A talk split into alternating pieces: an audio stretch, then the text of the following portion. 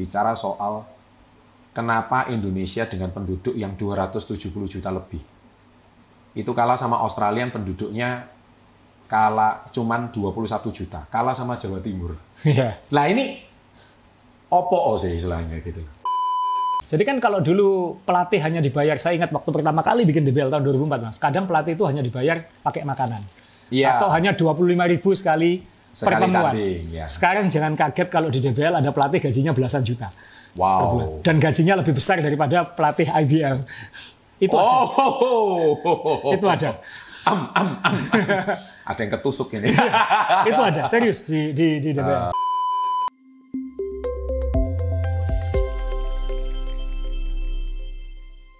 Oke mas, kita sekarang mulai bahas Olimpik ini.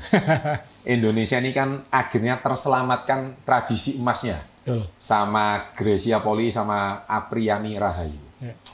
Saya nonton deg-degan juga itu. Ini Ya. kalau nggak emas ini muka mau taruh di mana? Iya, sama. Sama ya. Saya nonton itu sampai teriak-teriak di rumah sama anak saya. Nah, akhirnya terselamatkan justru underdog ya, nggak kuda hitam yang nggak ganda putri yang nggak pernah di, tapi mainnya lepas tanpa beban. Betul. Saya lihat Ginting itu waktu main di semifinal lawan Cenlung itu beban dia, Ya, banyak mati langkah di awal. banyak mati Iya, langkah, buang-buang bola yang Iya. nggak perlu. Nah, karena masalah mental ya, saya juga nonton podcastnya Taufik Hidayat, beliau seorang Olimpian juga, itu semua masalah mental. Olimpik beda sama All England dan sebagainya. Nah, Mas Hasrul, saya baca artikelnya Mas Hasrul tadi pagi bicara soal kenapa Indonesia dengan penduduk yang 270 juta lebih. Itu kalah sama Australia yang penduduknya kalah cuman 21 juta, kalah sama Jawa Timur. Iya. Lah ini opo sih istilahnya gitu. Kenapa kok Indonesia ini penduduk banyak tapi kok emasnya ini kok seret gitu. Ah, sulit jawabnya. Dan harus kita ingat juga bahwa terakhir kali kita dapat dua emas ya masih Alan Budi Kusuma sama Susi Susanti. Pasangan pengantin Iya, Olimpiade. dan kebetulan Alan dulu kakak kelas saya waktu bulu tangkis di Jarum kan. Jarum ya? Iya, Jarum Surabaya Iya, kan. iya, betul. Ah, kemudian ah, ya untung kemarin dapat satu medali. Ah, anak saya yang biasanya nggak pernah nonton olahraga ikut loncat-loncat. Betul sekali. Jadi segala hadiah yang diberikan kepada ah, ganda putri kita itu itu Istimewa. istimewa sekali. Itu itu mereka di momen di saat secara negara kita ini sedang Sedang down, terpuruk. sedang terpuruk, sedang anu mereka bisa menjadi oase yang luar biasa Covid itu yang lagi naik-naiknya. kita ya, harus betul. memberi apresiasi itu. Luar mereka biasa. berdua ini bukan hanya bonus dan hadiahnya, ada pahalanya itu. Saya percaya. ada amal jariahnya. ada aman itu itu itu saya percaya itu. Iya. Tapi uh, saya langsung mikir ya kenapa ya kok dari dulu sulit sekali gitu. Iya, iya. Uh, dan kebetulan saya juga kenal baik dengan uh, Menpora yang sekarang. uh, dan beliau sebenarnya sudah sangat kerja. Kita sering diskusi mas, sangat sering diskusi. Tapi Iya. uh, Pak Zainuddin Pak namanya. Zainuddin Amali uh, orangnya uh, menurut saya sangat serius uh, Hmm. memikirkan warga ini uh, dan dingin ya dalam artian tidak tidak uh, meledak-ledak dan jadi menurut saya butuh yang seperti itu. Tapi ya memang uh, beliau kan baru masuk Betul. tidak mungkin mengubah sesuatu yang sudah Iya. Menjadi puluhan tahun. Gimana kepemimpinan beliau di era Menurut menurut saya sih uh, sejauh ini uh, saya termasuk senang karena komunikasi beliau sangat baik. Baik. Beliau berani menjaminkan diri untuk sepak bola kemarin ketika nggak bisa jalan kan tidak mudah bisa bisa Ya. seperti itu uh, menjaminkan dirinya untuk uh, penyelenggaraan olahraga karena di saat ini kan olahraga tidak bisa jalan kan karena tidak ada yang berani ngasih izin sebenarnya. Betul. Jadi seolah-olah ini ini wewenang siapa segala macam tidak jelas tapi beliau termasuk menpora yang berani Betul. pasang badan kayak gitu. Pasang badan. Nah, jadi menurut saya uh, saya sangat terima kasih kepada beliau dalam hal itu. Uh, tapi ya kalau kita ngomong soal kenapa Indonesia hanya satu medali dan dan ber- berpuluhan tahun hanya satu medali sejak saya SMP Dan sampai itu sekarang selalu bulu tangkis. dan itu selalu bulu tangkis, ya kan berarti kita harus melihat bahwa berarti ada sesuatu fundamental yang yang yang nggak benar ini. Uh, saya kebetulan uh, banyak bukan hanya pelaku olahraga tapi juga saya banyak karena dulu di media jadi saya banyak bertemu dengan orang-orang olahraga tingkat dunia dan lain-lain. Iya. Lalu saya pernah diundang pemerintah Australia sebenarnya Ya. uh, sekitar 10 tahun yang lalu. Waktu itu namanya special visit. Yang diundang hanya orang-orang yang kalau saya lihat daftar namanya itu saya merasa kecil hati gitu karena "Wah, ini ini dewa-dewanya Indonesia semua kayak gitu. Uh, tapi waktu itu Azrul kamu kita pilih uh, dan kamu boleh belajar apa saja, boleh ketemu siapa saja, mau ke mana saja kita turuti. Jadi waktu itu saya belajar olahraga. Belajar olahraga, media dan Maksudnya belajar olahraga itu manajemennya. manajemen eh, lalu birokrasinya, Birokrasi eh, ke- industrinya juga. industrinya juga. Eh, dan menurut saya unik, menarik ya karena tadi poinnya, kenapa Australia yang penduduknya hanya 20 juta Yes. Bisa lima besar Olimpiade dan secara konsisten. Lima besar olimpiade konsisten. Iya. Bahkan basketnya kemarin la- latih tanding lawan Amerika kalah. Menang. Ya. Ya, jadi apa Ya. namanya eh, ini ada sesuatu fundamental yang yang mereka lakukan yang yang itu benar dan itu memang kalau kita ngomong ya mohon maaf ini harus ada perubahan secara fundamental struktural birokrasi dalam segala hal kayak gitu. Betul. Eh, saya sering eh, eh, kedatangan tamu eh, DPRD, DPR dari eh, provinsi-provinsi lain, Ya. dari pusat, dari Jakarta, ngajak diskusi soal olahraga dan penjelasannya saya selalu sama. Memang eh, di Indonesia ini anggaran olahraganya besar, tapi apakah itu ke olahraganya? Jangan-jangan itu hanya untuk ke birokrasinya. Nah, Kan kan ada banyak sekali, ya. ada banyak ada banyak jalurnya kan di Indonesia Iya. ini kan eh, wewenang siapa, wewenang siapa itu kan banyak. Eh, mohon maaf Kemenpora dari pusat sampai kota. Ya, Setiap cabang olahraga pengurus pusat sampai kota. Hmm. KONI dari pusat sampai kota. itu anggarannya ya. Ya, tapi yang jelas ini banyak banyak, Banyak struktur, pintu. banyak pintu. Uh, saya nggak tahu nanti solusinya seperti apa di situ. Uh, tapi kalau saya belajar yang saya dapatkan dari Australia adalah uh, saya ini mohon maaf saya ini Amerika banget sebenarnya karena Yes. tapi Amerika itu kita nggak bisa niru. Kenapa? Dia free market. Free market. Free market itu gini. uh, kenapa liga dia NBA bisa besar? Karena NBA dulu pernah bersaing dengan liga lain. Oh, Puluhan tahun yang lalu liga yang lain bangkrut, NBA yang selamat kan kayak gitu. oh gitu. NFL liga terbesar di dunia sekarang. Iya.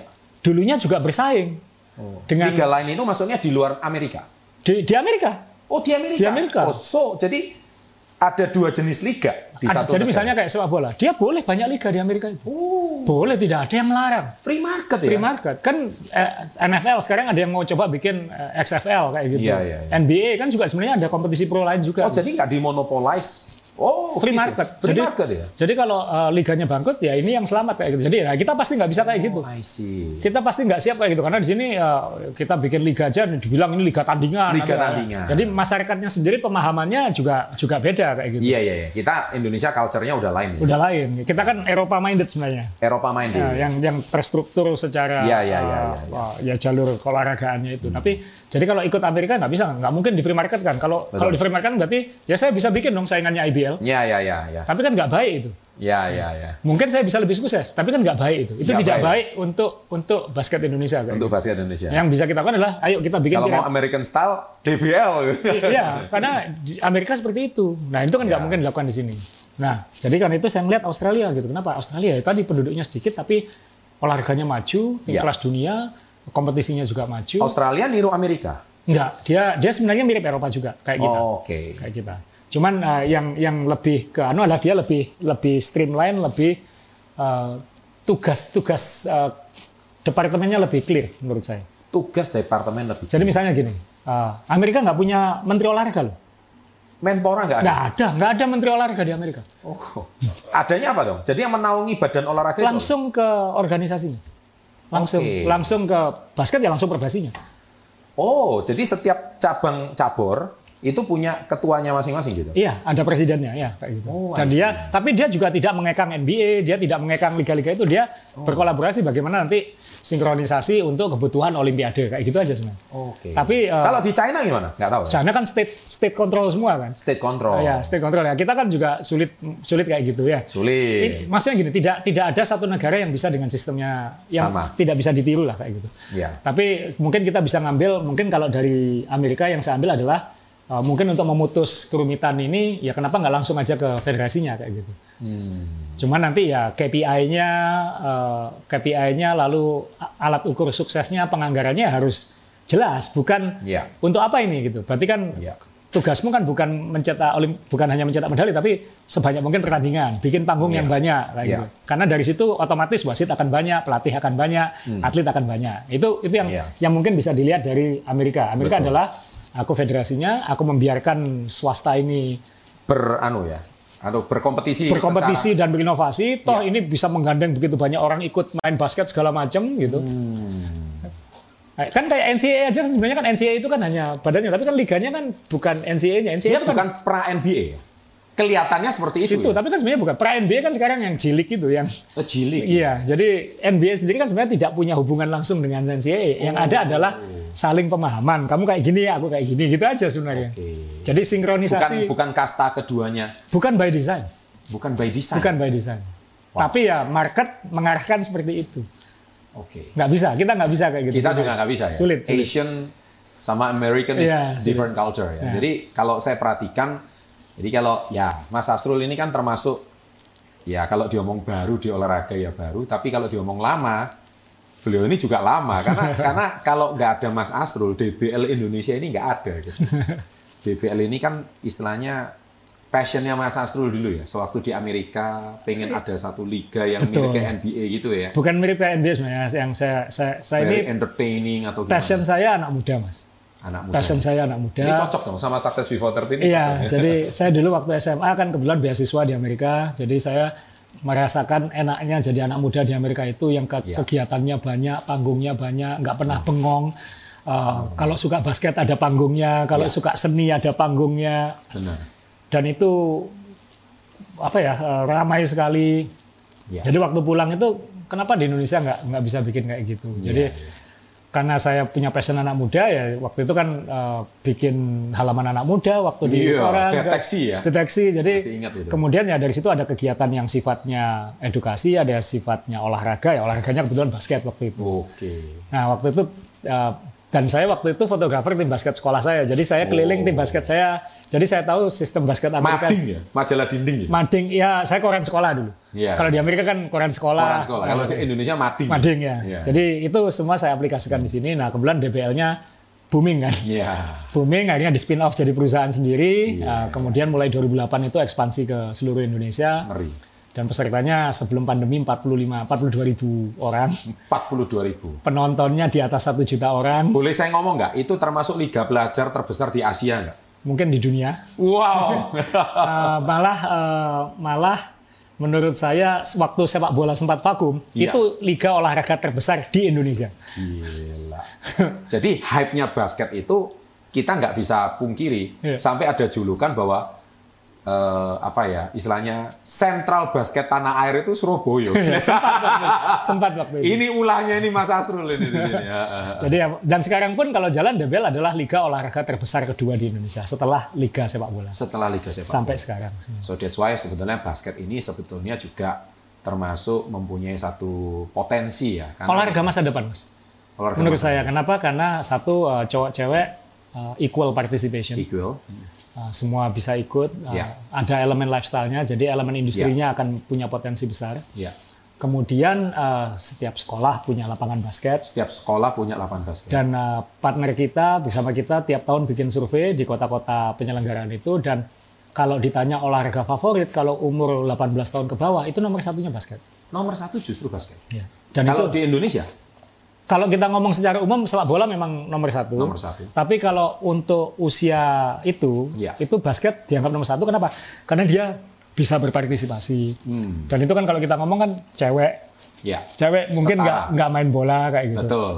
Jadi ya suara itunya kuat. Jadi Karena pemain cewek yang main bola sama pemain cewek yang main basket lebih banyak yang main basket ya. ya, Oh, Jadi- ini ini statistiknya ada, jadi Ya. kita harus bener ini. jadi nanti pastinya ini adalah minimal olahraga solid nomor dua di Indonesia.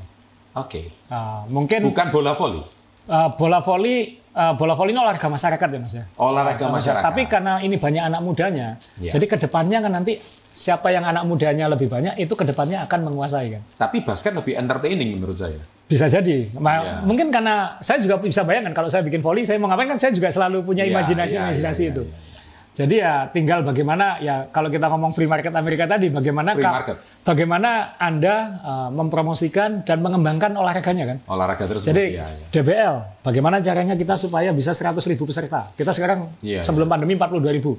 Betul. Visinya setelah pandemi kita harus berkembang lagi ke 100 Iya. ribu. Berarti kita harus ngapain? Kan kalau pengusaha kan bikin SWOT analisis, Iya. bikin bikin uh, Forecast analisis. forecast semua kayak gitu. Jadi Iya, iya. oke barrier-barriernya apa? Nah Betul. itu kita bikin petanya segala macam. Nah, Betul. kita sekarang sebenarnya sudah ke arah yang benar. Kalau kemarin nggak pandemi seharusnya mungkin mungkin peserta DBL tahun ini mungkin sudah 50 ribuan kayak gitu. Gila. Udah pecah rekor lagi. Iya, pencari rekor terus ya. Nah, oke. Eh, potensi basket. Nah, tapi kita sekarang lihat juga bahwa basket tanah air ini sebenarnya sudah mulai hidup. Ya. Ini eh, saya sendiri juga senang basket sejak kecil ya. Ya. Di usia kita ini kan, saya sama Mas Rasul ini usianya mirip-mirip guys. Waktu kecil itu kan kalau saya diajak sama papa ya, Betul. pergi ke eh, apa lapangan basket ya nonton pertandingan. Saya masih ingat waktu kecil itu saya pernah diajak sama papa itu ke Gor Pancasila. Oh iya. iya. Waktu itu Indonesia lawan China kalau nggak salah. Iya. Nggak tahu waktu itu pertandingan apa. Saya lihat orang China ini kalau main basket gila bener gitu. Iya. Wah rasanya seru gitu loh. Kalau sudah indah gitu loh ceritanya ya kan. Apalagi kalau kita melihat itu, apalagi pema- papa saya juga pemain basket ya. Jadi artinya saya bilang ini ini olahraga memang gila gitu loh. Dan luar biasa. Akhirnya saya mengambil satu kesimpulan bahwa sebenarnya olahraga ini kalau dikemas dengan menarik, Nah, saya lihat ini orangnya ada di Surabaya nih Mas Astri. Dan itu very entertaining dan bisa membuat anak-anak muda itu hype.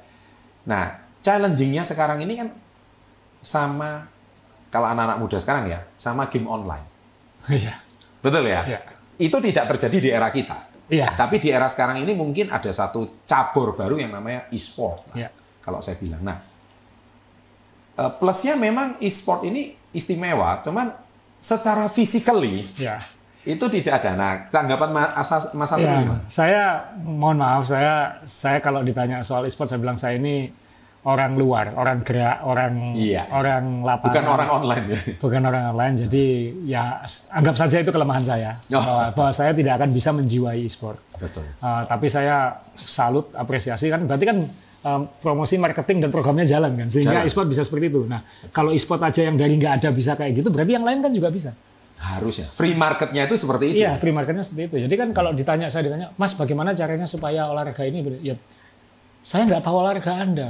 Anda yang tahu olahraga Anda. Nah, kalau Iya. Anda tahu ya kalau Anda berpikir seperti pengusaha, Betul. eh, entrepreneur, Anda akan bisa membayangkan kalau saya gini kan begini, kalau saya begini kan begini kayak gitu. Betul. Dan itu uh, kadang-kadang di Indonesia ini masalahnya mikirnya pendek kan mas. Kayak misalnya, uh, mohon maaf ini saya kembali kira-kira belasan tahun yang lalu ya ketika kita mencoba membuka kompetisi di sebuah sebuah wilayah misalnya. Ya. Belum apa-apa nanti perbasinya sudah minta sekian puluh juta. Belum apa-apa nanti uh, uh, wasitnya sudah minta sekian juta. Barrier of entry-nya langsung dipasang di depan. Nah ini kan ada investor baru di basket. Ini tuh ya untung saya niat bikin gitu. Kalau saya nggak niat bikin, ya males. Akhirnya nggak berkembang daerah itu. Gara-gara itu. Jadi nah kan untuk berkembang kan kita harus breaking the barrier itu kan. Maksudnya kita harus mecah itu. Jadi waktu itu Solusinya gimana kalau jadi waktu itu ya kita bikin hitung-hitungan aja. Yuk kita bikin visi ke depannya seperti apa. Kalau sekarang Anda dengan biaya wasit sekian juta, eh, Anda hanya Anda setahun menyelenggarakan berapa pertandingan? Ah, paling cuma 100 pertandingan mas total itu. Berarti Anda dapat masukannya cuma berapa? Anggap aja misalnya 5 juta kali 100, berarti hanya 500 juta. Tapi kalau misalnya Anda barriernya itu Anda turunkan ke 2 juta misalnya. Tapi Anda bisa menyelenggarakan 500 pertandingan. Oh, Kan lebih besar. Capeknya sama kok. capeknya sama. Iya. Nah, dan itu nanti akan buka jalan untuk lebih banyak lagi karena itu akan gulung. Dari 500 ke 1000, dari 1000 ke 1500 kan jadi orang mudah untuk bikin basket. Ini kan entrepreneur banget berbedanya. Mudah untuk bikin basket. Nah, akhirnya waktu itu uh, kita selalu mencoba komunikasi seperti itu dan uh, syukur alhamdulillah uh, banyak yang bisa memahami dan setelah melihat hasilnya tambah gampang. Betul. Dan akhirnya apa? Karena jumlah pertandingannya banyak, mau nggak mau perbasinya harus menambah wasit. Betul. Kemudian karena pertandingan banyak, jasa pelatih lebih dibutuhkan. Berarti pelatih yang butuh lisensi makin banyak. Betul. Jadi menambah lapangan pekerjaan baru. Menambah lapangan pekerjaan dan omset. Omset. ya kan kayak gitu. Jadi ya Ya. open the barrier-nya kayak gitu. Open the barrier. Jangan belum apa-apa sudah Dan pasang. Indonesia harus seperti itu. Harus seperti itu. Kalau mau maju. Iya. Ya, ini bicara dari seorang pelaku ya. yang sudah profesional di bidang ini. Dan, dan kita udah selesai mas. Dalam artian kita sudah menyelenggarakan ribuan pertandingan dalam Iya. setahun. Dan itu di luar DBL ada banyak lagi gitu. gitu. Oh, I see. Jadi kan kalau dulu pelatih hanya dibayar, saya ingat waktu pertama kali bikin DBL tahun 2004 mas. Kadang pelatih itu hanya dibayar pakai makanan. Iya. Atau hanya 25 ribu sekali, Sekali pertemuan. tanding, ya. Sekarang jangan kaget kalau di DBL ada pelatih gajinya belasan juta. Wow. Dan gajinya lebih besar daripada pelatih IBL. Itu ada. Oh, Itu ada. am am am. ada yang ketusuk ini.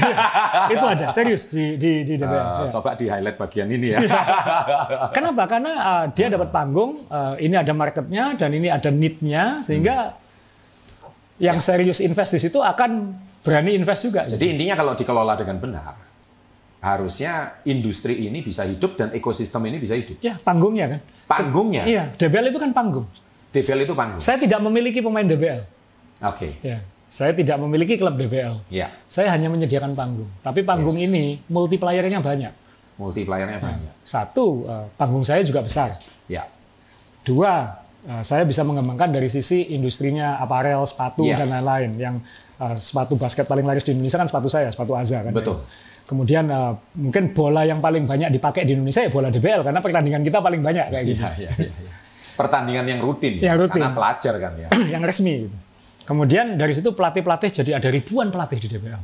Hmm. Ada ribuan pelatih basket di Indonesia sekarang. Ribuan pelatih basket di Indonesia. Kemu- Kemudian ada ribuan wasit baru. Ribuan wasit baru. Jadi kan Ini lapangan pekerjaan. lapangan pekerjaan semua. Iya. Dan nanti mungkin pelatih-pelatih ini nanti akan bikin akademi di daerahnya.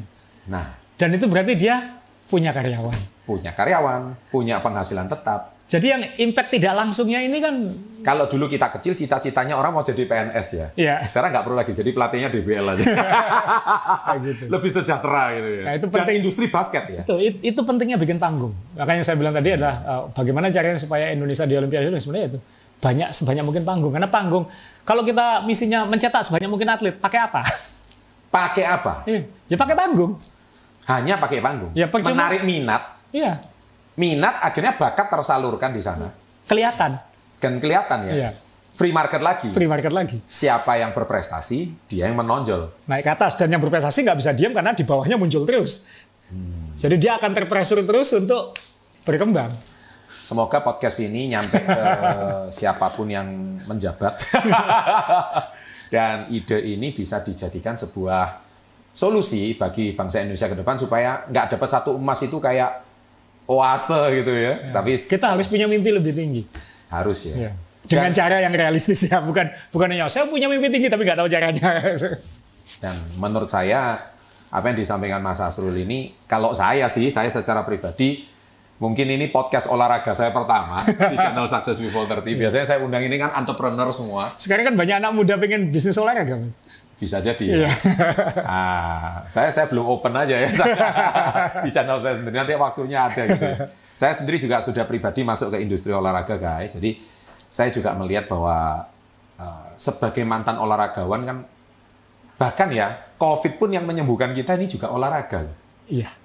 Makanya saya bilang olahraga 100 persen. 100%. Makanya saya bilang olahraga ini adalah obat paling murah. Oh, Menurut saya ya. Saya mau cerita satu, ini mungkin teman-teman bisa dijamkan ya. Ini saya belajarnya juga dari Australia, Mas. Iya. Jadi kenapa di sana uh, anggaran olahraga dengan cara yang benar tadi begitu besar? Iya. Salah satu caranya adalah supaya tidak sakit. Supaya Jadi tidak begini, sakit. kan ada beban kalau di Indonesia ada BPJS yang beban Iya. biaya kesehatan yang ini nggak akan Sangat turun. tinggi. Ini nggak akan turun. Semakin banyak penduduknya, ini akan semakin tinggi. Apalagi kalau penduduknya uh, habit hidupnya jelek. Ini akan jadi beban anak cucu kita ke depan yang yang luar biasa. Hmm. Apalagi online terus. Exactly. Iya. Terus kemudian uh, di Australia itu saya ketemu dengan waktu itu Menteri Olahraga dan Rekreasi namanya Menteri Olahraga dan Rekreasi. di Australia Barat waktu itu. Yang Ada ada- saya ketemu Rekreasi. beberapa tapi saya dapat saya paling dapatnya waktu itu waktu di Australia Barat di Perth itu. Dia bilang apa tugas tugas saya sebagai Menteri Olahraga dan Rekreasi? Tugas saya tidak ngurusi olahraga. Tugas saya adalah mengolahragakan masyarakat dan, Dan memasyarakatkan masyarakat- olahraga. Bukankah itu slogan kita? Bukan sesuatu yang baru. Itu slogan kita waktu kecil. Iya. Loh, ken- Jadi kenapa namanya Menteri Olahraga dan Rekreasi? Karena dia orientasinya adalah masyarakat, bukan atlet. Oh. Jadi tugas Kementerian Olahraga dan Mengolahragakan masyarakat. ya tugasnya adalah kalau ada kota kawasan baru, Betul. tugas dia adalah memastikan ada fasilitas olahraga di situ. Iya. Ada jogging tracknya nggak? Nggak ada, bangun. Ada lapangan sepak bolanya nggak ada, bangun. Ada taman untuk anunya nggak ada, bangun. Itu Kementerian Olahraga dan Rekreasi. Supaya masyarakat ini berolahraga. Kalau masyarakat ini berolahraga dan sehat, beban kesehatannya akan turun, Jadi anggaran pemerintah untuk BPJS harusnya bisa menurun. bisa menurun. Kalau Ini masyarakatnya sehat, kesehatan dari dalam. iya, Bukan masker, bukan jaga jarak. bukan, Tapi our immune system. iya. Dan itu ini kita ngomong udah lama banget ya. Saya kan Iya ya. Jadi ini kan udah diterapkan. Jadi Kementerian Olahraga sama sekali nggak ngurusin atlet kok di Australia. Iya. Itu urusannya EIS yang apa Australia Institute. Urusan federasi masing-masing juga. Betul. Untuk nah kalau di Amerika kan tadi federasi hanya menampung karena swasta yang menjalankan semuanya. Kalau di Australia memang federasi yang menjalankan semua kompetisinya Federasi. dari tingkat kota, state, negara State. bagian sampai pusat. Dan itu di jadi yang namanya ketua perbasi di Australia itu bukan ketua namanya CEO. Dia di hire, dia profesional. Iya, iya. Bukan kalau di Indonesia kan yang jadi ketua harus nyumbang. Ya, betul. Culture-nya seperti Akhirnya itu. seperti itu. Nah kalau di Australia yang namanya CEO itu di hire. Jadi dia tiap tahun akan dievaluasi karena kamu jadi target dia adalah berapa banyak anak main basket. Misalnya saya pernah punya kenalan CEO eh, basket Gold Coast. Ya. Dia main ke sini juga waktu itu. Eh, tugas dia adalah me- menambah revenue pasti kan menambah revenue basket di Gold Coast. Caranya gimana? Semakin banyak orang main basket Gold Coast, berarti iuran keanggotaannya semakin banyak. Semakin banyak. Pikirannya ke iuran keanggotaan. Iya. Jadi gini, uh, jadi itu ngeling semua dari pusat sampai uh, kota. Kalau di kota itu uh, uh, di kota itu uh, sebenarnya di kota itu sebenarnya tidak ada perbasi kota sebenarnya adanya aso- ya, asosiasi saja basketball Gold Coast itu. Klubnya swasta semua kan, kayak kayak ada divisi satu atau apa kayak gitu. Nah kemudian ini ada kompetisinya dari tingkat junior sampai seniornya. Yang terbaik di situ ditangkap oleh uh, state, dibikinkan uh, apa uh, tim uh, kom- ikut kompetisi di level Iya. state. Nanti dari state di- dibikinkan tim, dibikinkan kompetisi level nasional. Jadi kayak gitu. Nah penganggarannya yang luar biasa. Waktu itu setiap anak kalau mau ikut kompetisi basket, dia bayar iuran 60 dolar. Betul. 60 dolar itu adalah 15 dolarnya untuk pusat, Hmm. 15 dolar lagi untuk state, sisanya untuk lokalnya. Berarti, Nah, sorry, habis itu ada dipotong lagi asuransi, Uh, uh. kemudian sisanya untuk lokalnya. berarti sebetulnya tidak ada pihak yang dirugikan. Switch swadaya kan ya? Maksudnya Swadaya, piramid betulan. piramid betulan dan akhirnya eh, tidak ada konflik kepentingan Nggak ada. dan semuanya berjalan dengan baik, semuanya happy, Iya. semuanya kenyang. Ya. Dan hasilnya apa ya? Sekarang tim basket Australia bikin Amerika kan nanti uh, babak belur ke- kan nanti lawannya Amerika nanti. ini. Kita lihat ya, sebelum podcast ini dibuat kita nggak tahu nanti Australia bisa ngalahin Amerika cetak sejarah mungkin. Jadi ya Itu bukti ya, proven result ya. cuman misal dari dari piramid yang terbentuk dengan dengan rapi. gitu. Ya, Jadi sekali lagi podcast kali ini ini for the first time kita karena ini masih momen Olimpik. Jadi Mas Asrul memberikan solusi sebetulnya. Siapa tahu nanti Bukan solusi saya juga kan ini sudah banyak contohnya sebenarnya. siapa tahu Mas Asrul suatu hari jadi Menpora. Cocok banget kayaknya. Eh, dan kayaknya ini memang benar. Saya rasa menjadi sebuah eh, statement yang eh, dari pelaku ya. Kalau beliau ini cuman pengamat, saya sih masih meragukan kapasitasnya. Tapi kan ini seorang pelaku dan pengamat juga. Akhirnya eh, menurut saya hari ini layak untuk dipertimbangkan supaya 2024, apalagi Indonesia mau mencalonkan sebagai tuan rumah Olimpiade katanya. Gagal. Gagal ya? Gagal ya. Gagal ya. Nah, Brisbane kan 2032 ya. Ya, 2032 ya, 32 ya. Mungkin masih harus menunggu kapan ya. Enak deket itu nanti Brisbane. Bisa lihat. Iya. Kan Brisbane kan cuma berapa jam ya? Iya, tiga jam ya, lima jam lah ya. Iya. Nah, jadi inilah menurut saya eh, momen Olimpik ini semoga menjadi sebuah eh, momentum yang luar biasa agar kita juga bisa evaluasi dan bagi siapa pun yang menonton eh, podcast kali ini bisa menjadi sebuah pembelajaran yang baik, edukasi yang baik. Dan jangan lupa, olahraga itu penting gitu. Seperti kami berdua sembuh, saya yakin itu karena psikis dan karena kami berdua ini olahraga. Dan kita kita bersyukur mas karena sejak pandemi tahun lalu kan orang lebih sadar olahraga ya. Yes. Dan it's okay, lebih baik terlambat daripada nggak sama sekali. sepeda mulai aktif lagi. Betul. Kembali kayak di Belanda ya, orang sepedaan ya.